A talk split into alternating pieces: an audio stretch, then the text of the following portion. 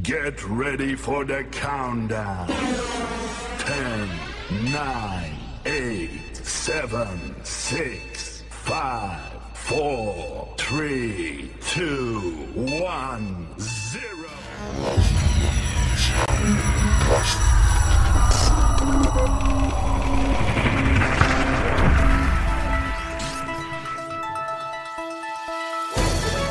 Dari bumi sedulang studung, inilah Suara Nusantara edisi ke-127 diproduksi oleh LPPL Radio Suara Banyuasin 105,2 FM Banyuasin Sumatera Selatan.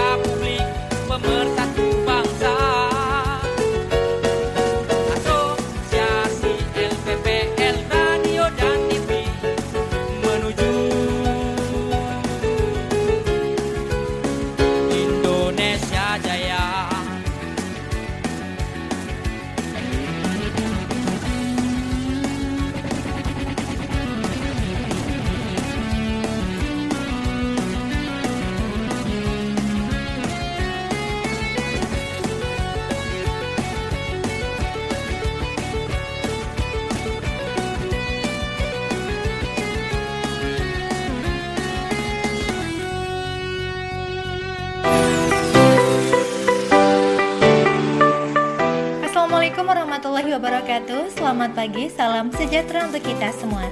Pendengar, kita berjumpa lagi di Suara Nusantara edisi ke-127 Yang diproduksi oleh LPPL Radio Suara Banyuasin 105,2 FM Kabupaten Banyuasin, Sumatera Selatan. Rangkaian berita dari seluruh daerah di Indonesia akan kami hadirkan untuk Anda Bersama saya Imelda dan rekan saya. Zainus Zaki. Inilah Suara Nusantara selengkapnya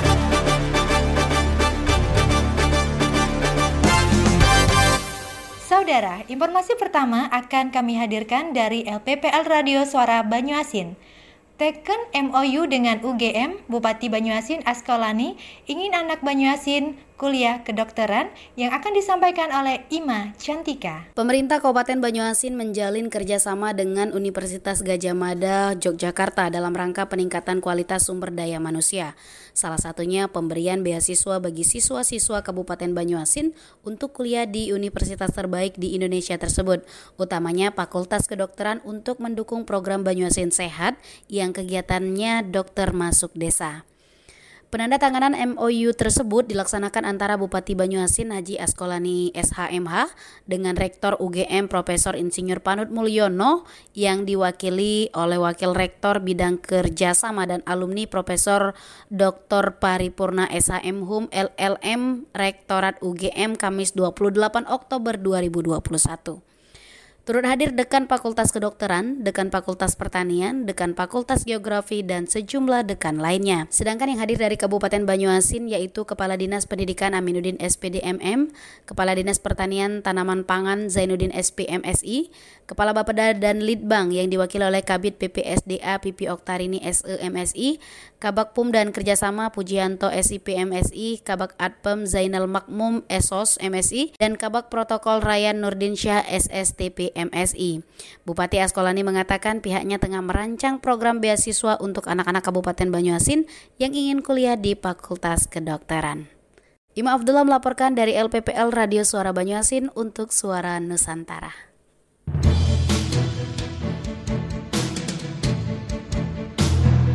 Baik sahabat suara Nusantara, kita beralih ke LPPL Radio bersama FM Pagar Alam. Wali Kota Alpian Maskoni resmi menutup kejuaraan menembak The First Indonesia International Long Range Shooting Grand Prix Seri 5 yang akan disampaikan oleh Hani. Wali Kota Alpian Maskoni resmi menutup kejuaraan menembak The First Indonesian International Long Range Shooting Grand Prix seri kelima. Saudara, Wali Kota Alpian Maskoni resmi menutup kejuaraan menembak The First Indonesian International Long Range Shooting Grand Prix seri kelima dan Wali Kota Pagerelam Cup Air Rival Metsil tahun 2021 yang dilaksanakan selama dua hari di Kota Pagerelam pada Minggu 24 Oktober 2021. Sebelumnya kejuaraan menembak dibuka langsung oleh Ketua Umum PB Perbankin sekaligus Kepala Badan Intelijen Strategis Letjen TNI Joni Suprianto. Alpen dalam sambutannya mengucapkan terima kasih kepada para peserta lomba yang sudah berpartisipasi dalam kejuaraan lomba menembak kali ini. Ditambahkan Alpian, yang paling membanggakan adalah kota Pagarlam mendapatkan kepercayaan untuk menjadi tuan rumah pelaksanaan kejuaraan menembak Indonesia International Long Range Shooting Grand Prix seri kelima.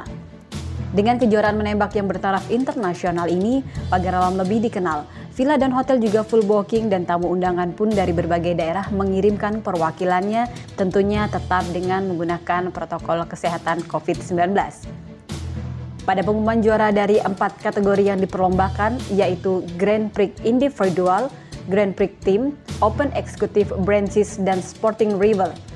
Untuk kategori Sporting Rival, kelas juara satu adalah Emrihas Perbankin, Jambi Juara kedua Rubin Perbankin DKI, juara ketiga El Joko Warsito Perbankin DKI. Di kelas individual kelas Grand Prix juara satu adalah Yoga Prasetyo, juara dua Askar dari TSC 812 Kopassus, dan juara tiga Winarko Denma Mako Kopaskas Bandung. Pada eksekutif kelas Grand Prix juara satu ada Mahera Ria Palevi Tabrani, juara 2 Emriza Pahlevi Tabrani, dan juara 3 Yusuf SC. Sedangkan di kelas tim kelas Grand Prix dimenangkan oleh tim Winarko dan Winarto dari Denmama Kokopas Bandung. Dari Kota Pagaralam, Radio Besema FM, Hani melaporkan untuk Suara Nusantara.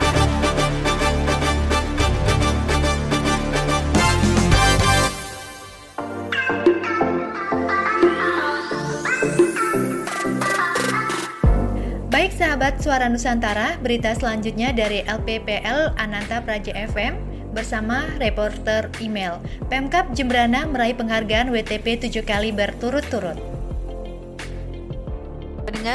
Bupati Tambah menerima tim Kanwil Dirjen Perbendaharaan Provinsi Bali yang dipimpin oleh Kepala Kanwil Teguh Dwi Nugroho di rumah jabatan Bupati pada Senin 25 Oktober 2021. Kehadiran mereka terkait penyampaian piagam penghargaan pemerintah Republik Indonesia kepada pemerintah Kabupaten Jembrana yang meraih opini WTP atas LKPD tahun 2020 dan meraih WTP 7 kali berturut-turut dari tahun tahun 2014 sampai dengan 2020. Bupati mengucapkan terima kasih atas kepercayaan dan penghargaan kepada Kabupaten Jembrana. Ia berharap ke depannya selalu memohon bimbingan dan petunjuk agar ke depan selalu dapat menjalankan pelayanan pemerintah dalam jalur dan penghargaan terbaik.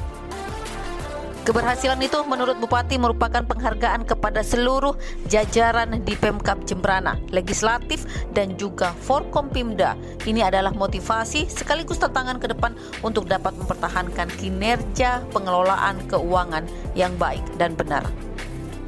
Saya email dari LPPL Ananta Praja Suara Jembrana Bali melaporkan untuk Suara Nusantara.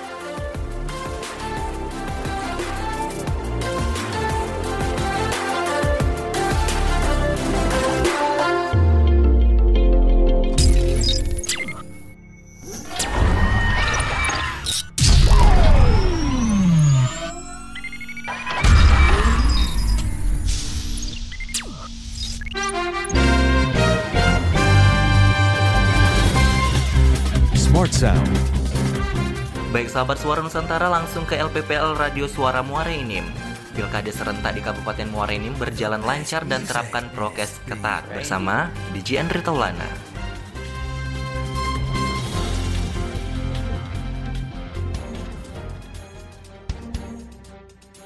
Pilkada serentak di Kabupaten Morenim berjalan lancar dan terapkan prokes ketat. Kabupaten Morenim melaksanakan pesta demokrasi tingkat desa yang diselenggarakan di beberapa desa dari 20 kecamatan yang tersebar di wilayah Kabupaten Morenim. Dari pantauan tim LPPL Radio Suara Muara Enim, Dinas Komunikasi dan Informatika Kabupaten Morenim, proses pencoblosan di beberapa TPS terpantau tertib dan berjalan aman. Seperti halnya yang terjadi di Desa Tanjung Raman, Kecamatan Ujan Mas, dan Desa Tanjung Terang, Kecamatan Gunung Megang, tepatnya di lokasi TPS Dengan penerapan prokes yang ketat dan disiplin. Para masyarakat yang memiliki hak pilih sebelum melaksanakan pencoblosan diarahkan untuk mencuci tangan, diukur suhu tubuh, bahkan satu persatu, diberi sarung tangan plastik hingga hak pilih diizinkan untuk mencoblos. Demikian pula di desa-desa yang tersebar di beberapa kecamatan Kabupaten Morenim, pelaksanaan pilkades juga berjalan lancar, aman, dan terkendali dengan menerapkan prokes ketat. Sementara itu, Camat Ujan Mas Hasman Hadi menuturkan bahwa pilkades di daerahnya berjalan lancar lancar, bahkan kehadiran pemilih ke TPS mencapai 80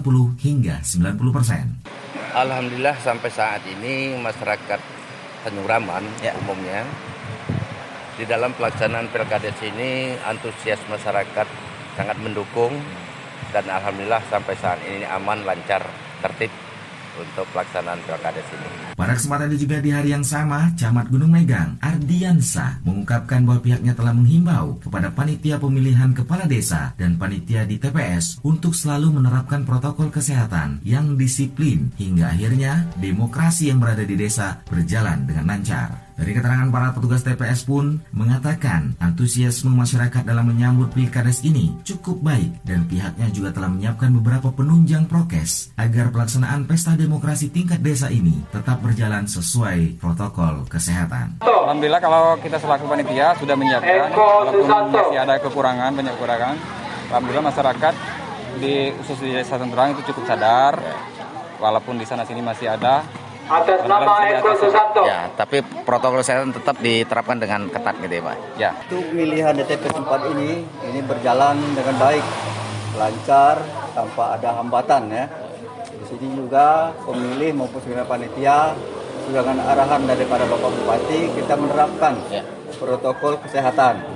Protokol uh, protokol kesehatan tetap kita jalankan sesuai hmm. dengan aturan ya. yang diberikan kepada KPPSD dan juga panitia yang lainnya. PJ Bupati Morenim Haji Nasrun Umar didampingi unsur Forum Komunikasi Pimpinan Daerah, Forkopimda, dan unsur pimpinan Satuan Kerja Perangkat Daerah melaksanakan secara langsung monitoring pelaksanaan Pilkades di beberapa lokasi. HNU menyampaikan pelaksanaan Pilkades 2021 berjalan dengan lancar dan menerapkan protokol kesehatan yang sangat ketat. Di beberapa TPS yang ada di desa-desa yang sedang melaksanakan Pilkades serentak sangat mematuhi prokes yang telah ditentukan mulai dari menyediakan alat cuci mencuci tangan, masker, sarung tangan, hand sanitizer, dan juga menjaga jarak tanpa ada kerumunan. HNU juga mengatakan ketentraman, keamanan, dan ketertiban haruslah tetap dijaga dan diciptakan sampai akhir penghitungan suara dan penetapan pemenang Pilkades. Kalah atau menang dalam demokrasi itu hal yang biasa, yang menang semata-mata karena takdir Allah SWT pun kepada yang kalah untuk legowo atau lapang dada menerima kekalahan itu sebagai awal kesuksesan yang tertunda. Andre Tolana, Suara Morenim Radio untuk Suara Nusantara.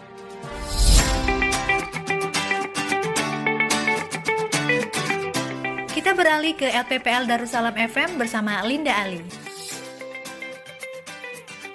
Bupati dan Wakil Bupati Musirawas resmi dilantik menjadi Ketua dan Wakil Ketua Wabica Pramuka Musirawas periode 2021 hingga 2026.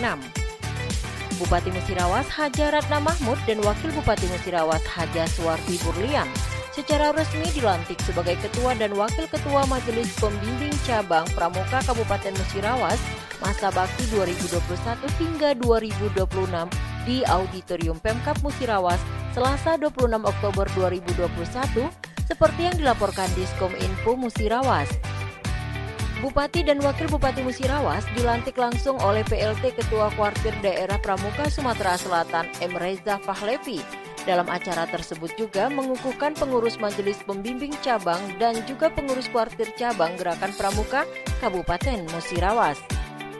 Dalam sambutannya, Hajaratna Mahmud selaku Bupati dan Ketua Wabicap Kabupaten Musirawas mengucapkan selamat dan sukses kepada seluruh pengurus Wabicap dan Kuarcap Kabupaten Musirawas yang telah dilantik hari ini. Bupati menyampaikan pelantikan ini merupakan titik awal sebagai wujud tanggung jawab dalam memajukan pramuka di Kabupaten Musirawas. Di akhir sambutannya, Bupati berharap warga pramuka Musirawas dapat membina pemuda di Kabupaten Musirawas menjadi pribadi yang kreatif, aktif, dan inovatif. Hal tersebut diharapkan membantu dalam mendukung terwujudnya program Musirawas Mantap, yakni maju, mandiri, dan bermartabat. Sementara itu, Ketua Kuarda Pramuka Provinsi Sumatera Selatan Riza Fahlevi menyampaikan bahwa pelantikan ini sangat penting khususnya dalam rangka memenuhi anggaran dasar anggaran rumah tangga gerakan pramuka di Sumatera Selatan. Turut hadir dalam acara tersebut Ketua Kuarcap Lubuk Linggau, Ketua Kuarcap Musi Banyu Asin, Ketua Kuarcap Musi Rawas Utara, Kamabigus SD, SMP SMA Kabupaten Musirawas, Forkompinda dan OPD. Linda Ali, Radio Darussalam melaporkan.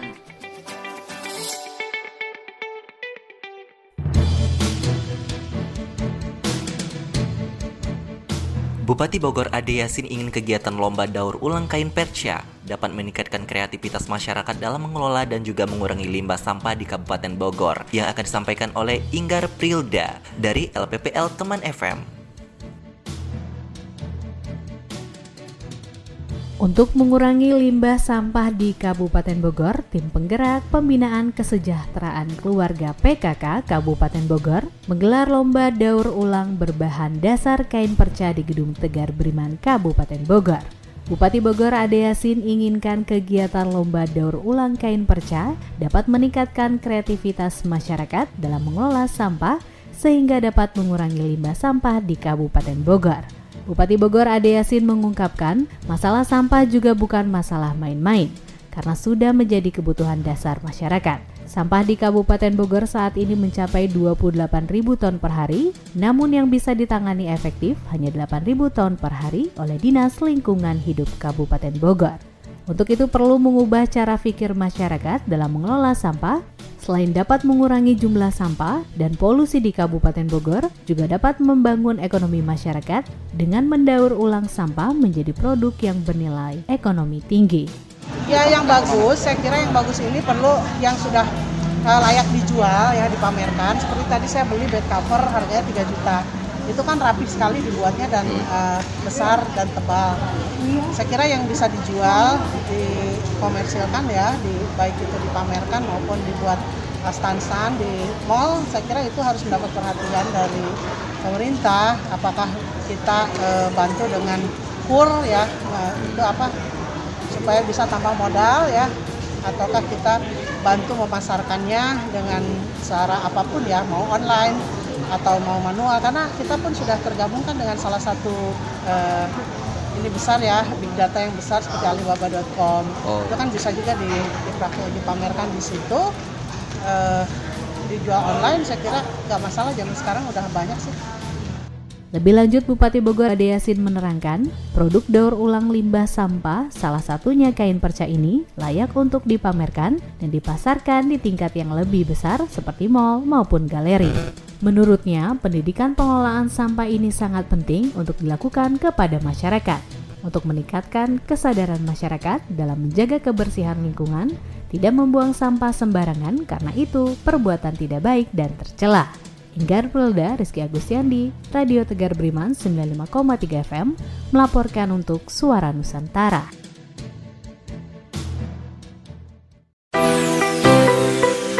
Berita selanjutnya, Polisi Sektor Batu Raja Timur Kabupaten Oku melaksanakan kegiatan pemeriksaan terhadap seluruh senjata api dan pengecekan kendaraan bermotor dinas milik Polsek Batu Raja Timur. Selengkapnya bersama Irawan Kopa, reporter LPPL Radio Sukses Batu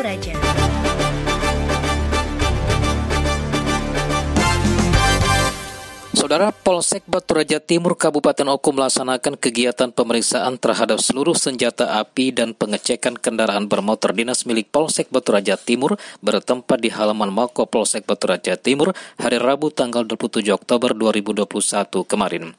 Kegiatan ini diikuti oleh seluruh personel Polsek Batu Raja Timur yang memegang senjata api dan juga kendaraan dinas. Selain melakukan pemeriksaan terhadap keadaan senjata api dan juga kendaraan bermotor, juga dilaksanakan pemeriksaan terhadap kelengkapan administrasi pemegang senjata api dan kendaraan bermotor dinas Polsek Batu Raja Timur. Kegiatan pemeriksaan kelayakan dan juga kelengkapan senjata api dan kendaraan dinas ini dipimpin langsung oleh Kapolsek Batu Raja Timur, Ibtu Hamid SH. Adapun hasil dari pemeriksaan tidak ditemukan senjata api dan juga kendaraan dinas Polsek Batu Raja Timur yang tidak layak ataupun tidak terawat dan kesemuanya administrasi pemegang senjata api dinyatakan lengkap. Pemeriksaan senjata api dan juga kendaraan dinas ini dilaksanakan dalam rangka menginventarisir kembali senjata api dan kendaraan dinas milik Polsek Batu Raja Timur, Kabupaten Ogan Komering Ulu. Demikian, Irawan Kopa, Radio LPPL Sukses FM Batu Raja melaporkan untuk Suara Nusantara. Baik sahabat suara Nusantara, kita beralih ke LPPL Radio Citra Lestari RCL 98 FM Kabupaten Sukabumi. Semuanya pembangunan fasilitas wisata, Wabub yakin selesai sesuai target.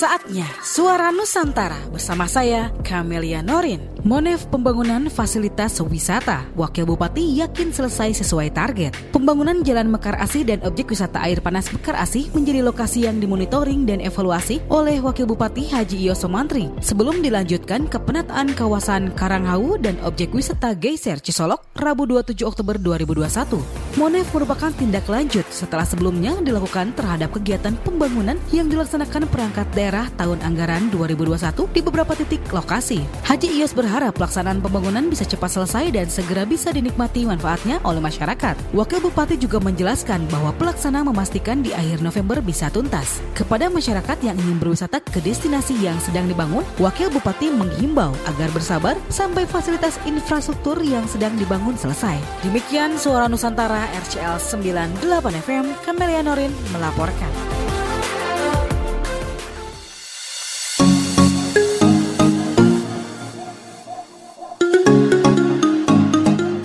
Kita beralih ke LPPL Radio Rewako Goa, Sulawesi Selatan bersama Mutar Suma dengan kinerja ASN Pemkap Goa.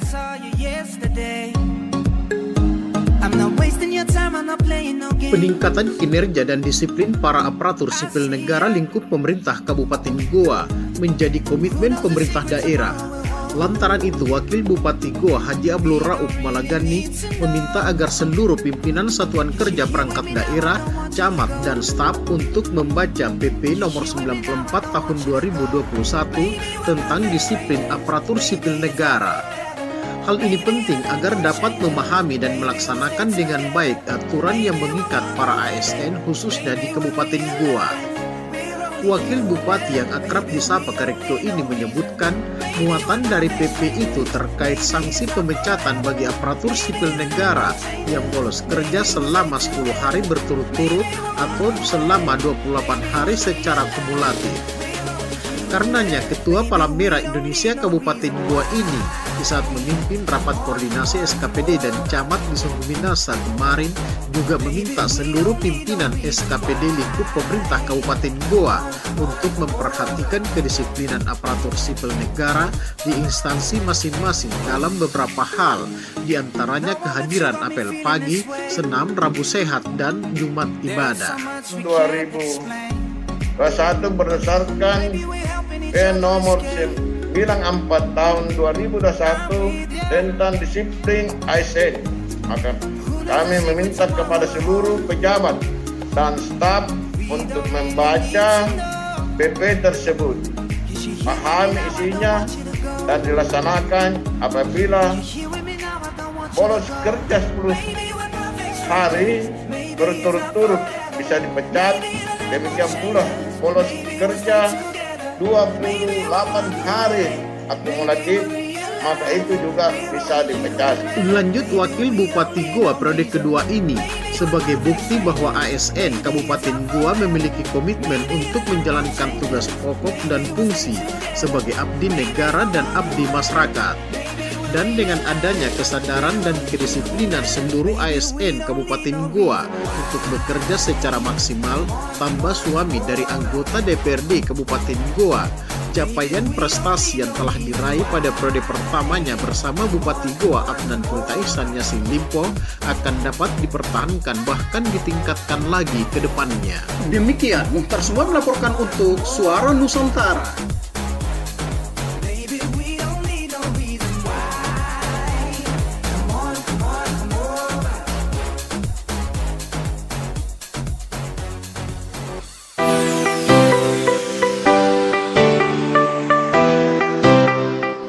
Suara Nusantara, kita ke LPPL Radio Lumajang FM bersama Bobby Wijayanto.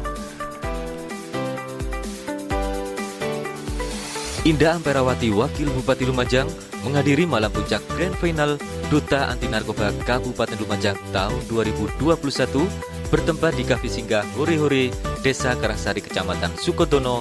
Dalam sambutannya, Wakil Bupati Lumajang menyampaikan, saat ini merupakan masa-masa bonus demografi di mana jumlah penduduk sebagian besar adalah masyarakat dengan usia yang produktif.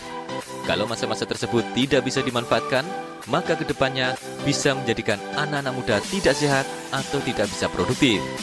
Oleh sebab itu, melalui Duta Anti Narkoba yang akan terpilih nantinya menjadi wakil pemerintah dalam menyampaikan pesan anti narkoba kepada seluruh masyarakat Lumajang. Sementara itu, AKBP Indra Brahmana, Kepala BNN Kabupaten Lumajang menjelaskan, salah satu kegiatan BNN adalah memberdayakan masyarakat termasuk kalangan generasi muda untuk turut aktif berperan serta dalam kegiatan pencegahan, pemberantasan, penyalahgunaan, dan peredaran gelap narkoba atau PAGN.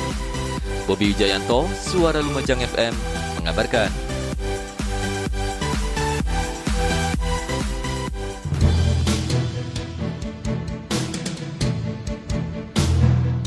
Berita selanjutnya dari TV Tabalong bersama Mario Ufa. Inilah atraksi kuntau etnik Dayak Belapai Api, hasil kolaborasi Sanggar Langit Tanjung dan komunitas Hasim Harimau Burung Pudak yang ditampilkan pada acara South Borneo Travel Mart 2021 di Banjarbaru. Atraksi ini berhasil menarik perhatian para pengunjung acara ini. Mereka bahkan bersorak kagum melihat atraksi yang ditampilkan di Spora Para Tabalong ini. Atraksi ini bahkan mendapatkan apresiasi dari Kepala Dinas Pariwisata Tabalong, Muhammad Saripudin ia menilai atraksi mengesankan dapat menjadi daya tarik tersendiri bagi pengunjung wisata. Ia pun berharap aksi mengesankan dapat terus dikembangkan untuk menarik perhatian pengunjung wisata. Main, jadi kita hal-hal seperti itu lebih banyak lagi. Jadi kami sangat suka dengan tarian Dayak. Ini merupakan khas dari tempat kita dan ini terus kita kembangkan sehingga lebih dikenal lagi. Agen wisata dari berbagai daerah di Indonesia mengaku tertarik dengan pertunjukan ini. Pasalnya atraksi kebudayaan yang dibalut dengan dramatis dinilai dapat menjadi daya tarik wisata karena jarang ditemui. Sekali karena jarang sekali ada wisata kayak seperti ini apalagi, dan itu khas sekali ya. Nih, uh, apalagi waktu keluar api itu sangat menarik banget sekali. Ah, luar biasa. Saya nggak pernah lihat tarian seperti itu seumur hidup saya. Saya biasa dan itu betul-betul biar seperti magis ya kita ter, tersirap gitu melihat uh, atraksinya dan juga melihat uh, canggihnya itu. Aduh, main api seperti aduh luar biasa dan ini adalah sebuah keunikan atau kearifan lokal yang patut dijual dan seluruh dunia harus tahu. Masrullah mengaku tertarik mengunjungi Tabalong. Ia mengaku tertarik dengan kebudayaan adat Dayak yang ada di Kabupaten Tabalong. Mario Upah TV Tabalong melaporkan.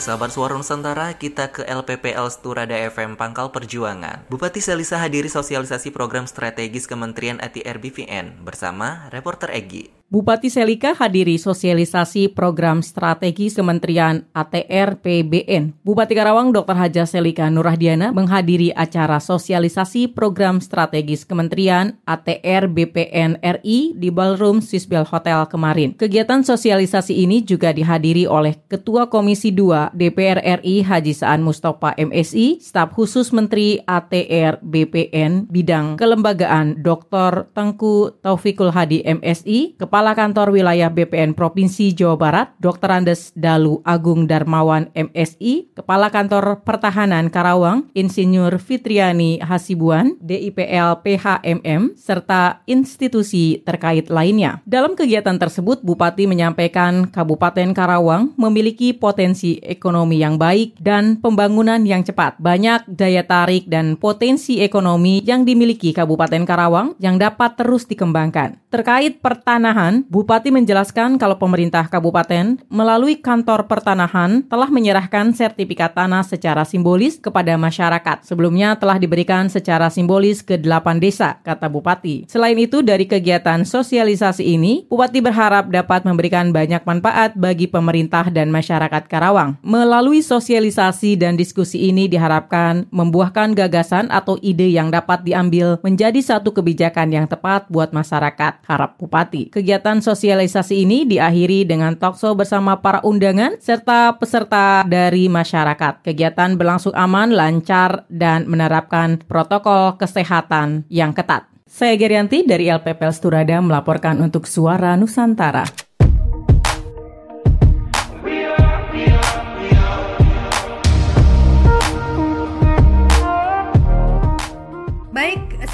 Nusantara, berita selanjutnya dari LPPL Suara RH yang akan disampaikan oleh Muhammad Rifandi. Gubernur Gorontalo Rusli Habibie meminta kepada seluruh masing-masing organisasi perangkat daerah atau OPD di lingkungan pemerintah Provinsi Gorontalo untuk dapat segera merampungkan hasil evaluasi kinerja dan seleksi tenaga penunjang kegiatan pegawai tidak tetap maupun guru tidak tetap sebelum akhir tahun 2021. Hal itu dimaksudkan gubernur agar SKPTT GTT sudah terbit di awal Januari dan sudah bisa mencairkan gaji sebulan setelahnya. Ia mengaku tidak ingin terjadi seperti pengalaman sebelumnya, di mana ada PTT dan GTT yang menerima gaji nanti pada bulan Maret bahkan April dikarenakan alasan SK belum selesai.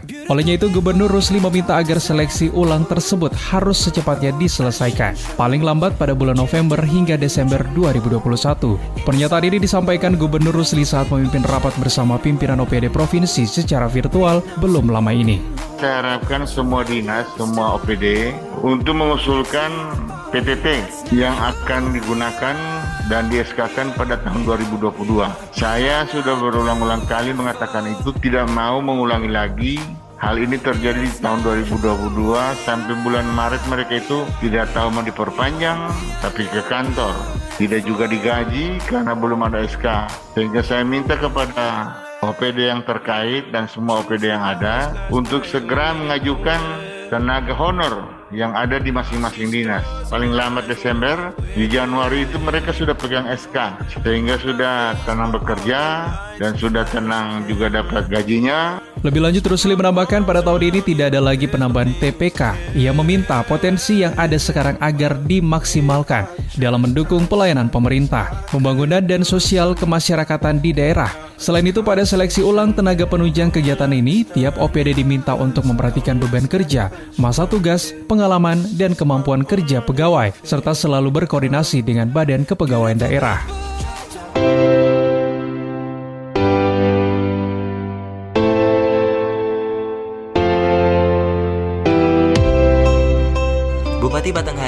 Rapat koordinasi reforma agraria Kabupaten Batanghari 2021. Reporter Regina Masli dari LPPL Radio Bahana Batanghari Jambi.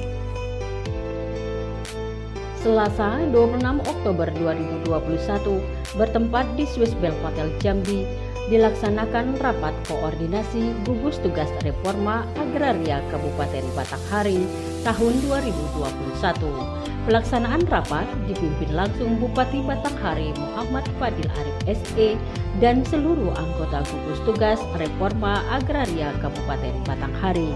Dalam kata sambutannya, Bupati Batanghari Muhammad Fadil Arif SE selaku Ketua Tim Gugus Tugas Reforma Agraria Kabupaten Batanghari menyampaikan bahwa penyelesaian sengketa dan konflik pertanahan di Kabupaten Batanghari harus dilaksanakan dengan cara sistematis, mulai dari keterbukaan data, informasi, dan pelaporan dengan pendekatan secara holistik dan tematik.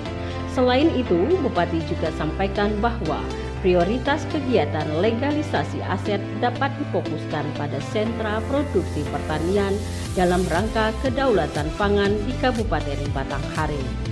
Regina Basli, LPPR Radio Bahana Batanghari, melaporkan untuk Suara Nusantara edisi 127.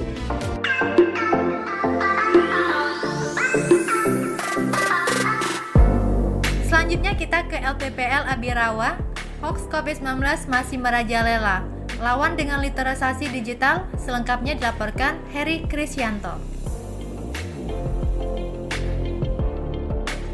Masih merajalelanya hoax seputar COVID-19 hingga proses penyembuhan melalui vaksinasi membuat Dinas Komunikasi dan Informatika Diskominfo Provinsi Jawa Tengah bersama DPR di Jawa Tengah berupaya mengajak masyarakat Kabupaten Batang untuk melawan penyebarannya dengan memanfaatkan literasi digital. Kepala Diskominfo Jawa Tengah, Rina Ratnaningrum, usai menggelar talk show di LPPL Radio Abirawa FM Batang, Rabu 27 Oktober 2021 menyampaikan saat ini hoax seputar COVID-19 dan vaksinasi masih menyebar di kalangan pengguna media sosial. Secara global itu memang sekarang yang lagi viral hoax terkait pandemi dari COVID penyakitnya itu sendiri, kemudian vaksinasinya dan proses penyembuhannya itu menjadi hoax yang luar biasa. Tapi kita pemerintah Provinsi Jawa Tengah punya yang namanya website Corona Jateng Produk.id.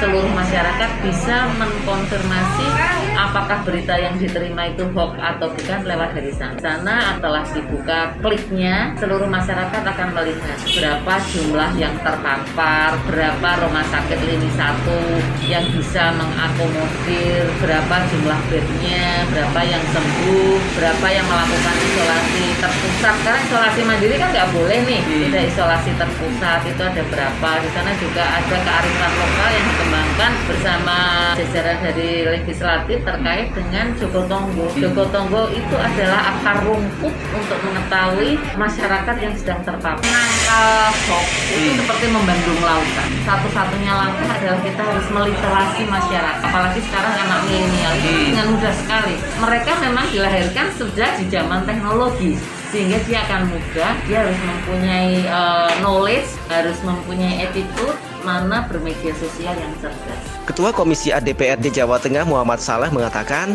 banyak program yang dilakukan DPRD Jawa Tengah yang mendukung untuk mencerdaskan masyarakat dengan literasi digital. Ya, kami di DPRD itu banyak program. Di kantor kami pun kita punya Berlian TV. TV yang kita siarkan melalui YouTube. Kita secara bergantian di DPRD Provinsi itu sesuai dengan temanya. Misalnya kami di Komisi A ya mungkin pertama terkait dengan masalah hoax, literasi media, literasi digital, dan lain-lain tuh kita sering siaran juga di internal TV kami juga kerjasama juga dengan radio dan TV. Itu adalah salah satu langkah yang dilakukan oleh DPRD. Sementara itu, Kepala Diskominfo Batang Triosi Juniarto menambahkan, dengan talk show yang digelar di LPPL Radio Abirawa FM bisa mengedukasi masyarakat supaya bijak bermedia sosial.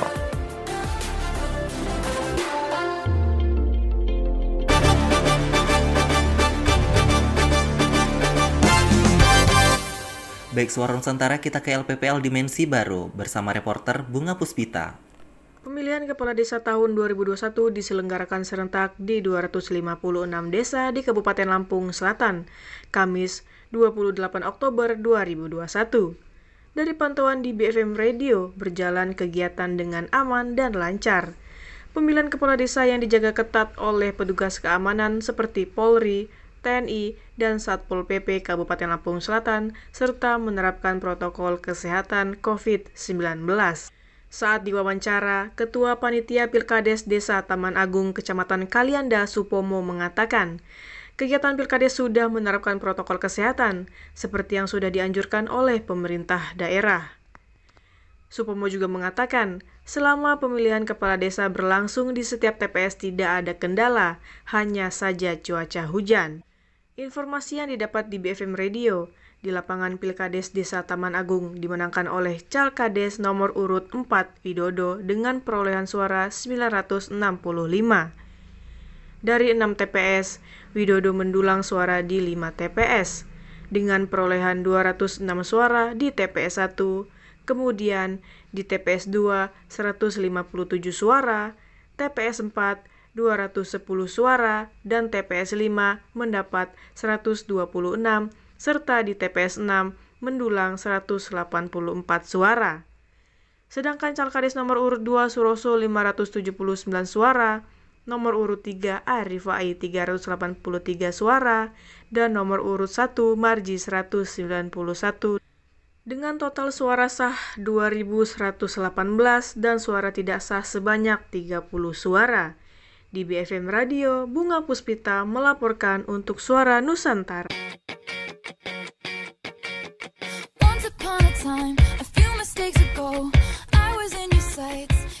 Selanjutnya kita beralih ke LPPL Rapemda Kabupaten Pringsewu Provinsi Lampung bersama reporter Anton Hapsara.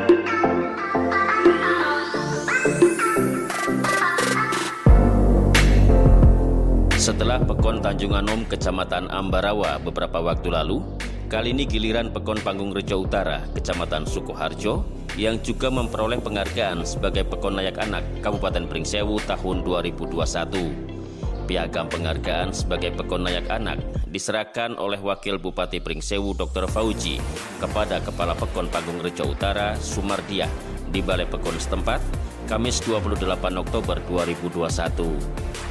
Wakil Bupati Pringsewu Dr. Fauji pada kesempatan tersebut mengaku bangga atas keberhasilan Pekon Panggung Rejo Utara menjadi Pekon Layak Anak yang menurutnya merupakan hasil kerja keras dan perjuangan bersama seluruh jajaran perangkat Pekon beserta masyarakat Panggung Rejo Utara. Ia berharap keberhasilan tersebut menjadi contoh bagi pekon-pekon lainnya di Kabupaten Pringsewu agar juga berusaha untuk menjadi pekon layak anak acara penyerahan penghargaan Pekon Layak Anak Kabupaten Pringsewu tahun 2021 sekaligus pemberian dana pembinaan serta pemberian santunan bagi anak yatim ini juga dihadiri asisten pemerintahan dan kesra Purhadi, staf ahli Bupati Pringsewu bidang kemasyarakatan dan sumber daya manusia Malian Ayub, Kadis P3AB2KB Pringsewu Nang Abidin Hasan, Camat Sukoharjo, dan KUPT Perlindungan Perempuan dan Anak Kabupaten Pringsewu beserta tokoh masyarakat setempat. Anton Apsara, LPPL Radio Pringsewu FM untuk Suara Nusantara.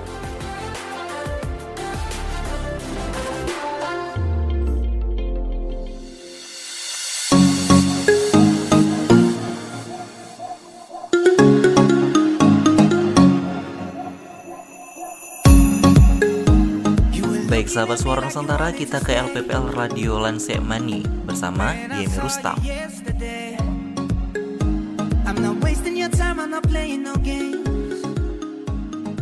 Pemkap Sijunjung kembali terima penghargaan WTP atas capaian LKPD.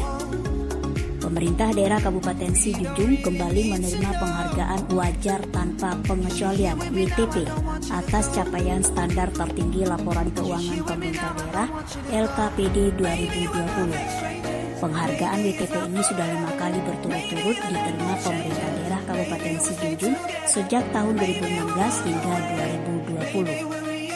Penghargaan itu diterima langsung oleh Bupati Sijunjung, Beni Dwi Yuswir, yang diserahkan Gubernur Sumatera Barat, Mahyildi. Pada kesempatan itu didampingi oleh Kepala Kantor Dijen Perbendaharaan DJPD wilayah Sumatera Barat, Heru Nugroho di Auditorium Gubernur Senin 25 Oktober. Beni mengucapkan terima kasih kepada BPK serta perangkat daerah yang sudah bekerja sama dengan baik untuk mendapatkan penghargaan wajar tanpa pengecualian ini merupakan WTP yang kelima kali diterima Pemkap Sijunjung. Melalui penghargaan ini menjadi motivasi kami di daerah untuk pengelolaan keuangan yang lebih baik, jelas dan transparan, kata Bupati. Sementara Gubernur Sumatera Barat Mahyildi berharap kepada Kepala Daerah Sumatera Barat agar berpedoman dan mematuhi peraturan perundang-undangan. Capaian opini wajar tanpa pengecualian ini bisa dicapai apabila taat dan patuh pada aturan yang berlaku, ungkap gubernur. Kemudian sebut Mahyildi untuk mempertahankan WTP di antaranya komitmen dari kepala daerah hingga OPD untuk patuh dalam pelaporan keuangan daerah. Komitmen ini dilakukan dengan mengoptimalkan tindak lanjut terhadap evaluasi BPK sehingga persoalan terkait temuan-temuan bisa diselesaikan dengan baik, pungkas Gubernur. Demi Rustam, LPPL Radio Lansik Manisi Junior Sumatera Barat untuk Suara Nusantara.